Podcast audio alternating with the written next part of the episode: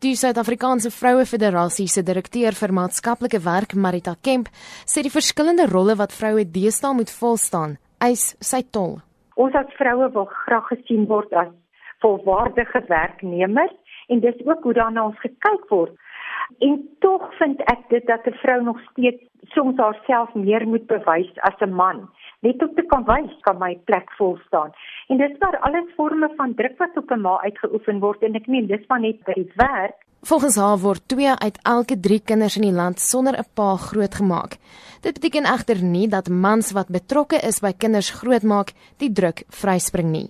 Ons het by die ISAF 'n program spesifiek vir vaders en vaderskap want ek dink hulle is ook 'n afgeskeepte geslag Hulle moes maar net sterk staan, hulle moes net sorg vir hulle gesinne.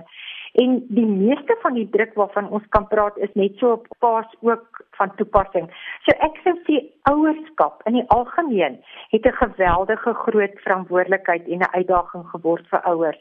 Sy sê die arbeidswet maak dit in heel party gevalle moeiliker vir werkgewers om ouers te akkommodeer. Die arbeidswet voorskryf dat daar sekere ure gewerk moet word Ons in die welsynssektor kry ook subsidie per pos.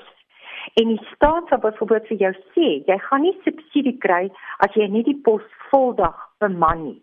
Daar's wel instansies wat hierdie balans begin vind, maar dis volgens Kemp dikwels buite hulle beheer. Intussen sê 'n transformasiefasiliteerder in Johannesburg, Emma Becker, die samelewing vandag laat nie spasie vir mense om hulle eie kapasiteit te identifiseer en te handhaaf nie ons word geleer om nie altyd eerlike vrae te vra oor wat ons kapasiteit en behoeftes is nie. En ek dink ons word so maklik ingepraat daarin om ons by ander mense se behoeftes en en verwagtinge aan te pas. En die hart van hierdie saak gaan daaroor dat ons met almal leer om ons eie liggame en ons eie behoeftes te eerbiedig en ek bedoel nie op 'n selfsugtige manier nie, ek bedoel op 'n manier wat medemenslik is.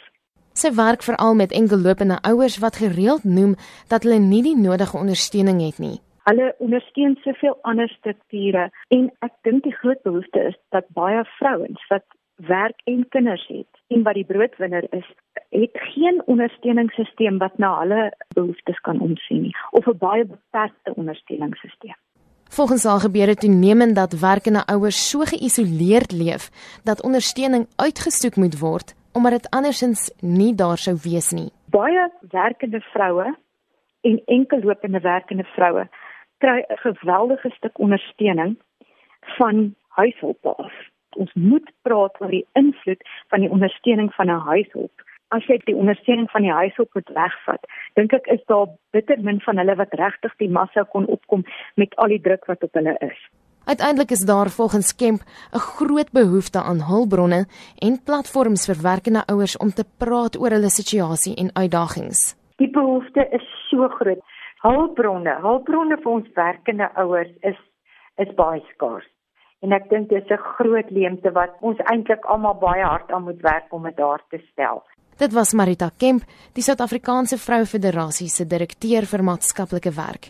Ek is Marlene Forsiefer, SAK nuus.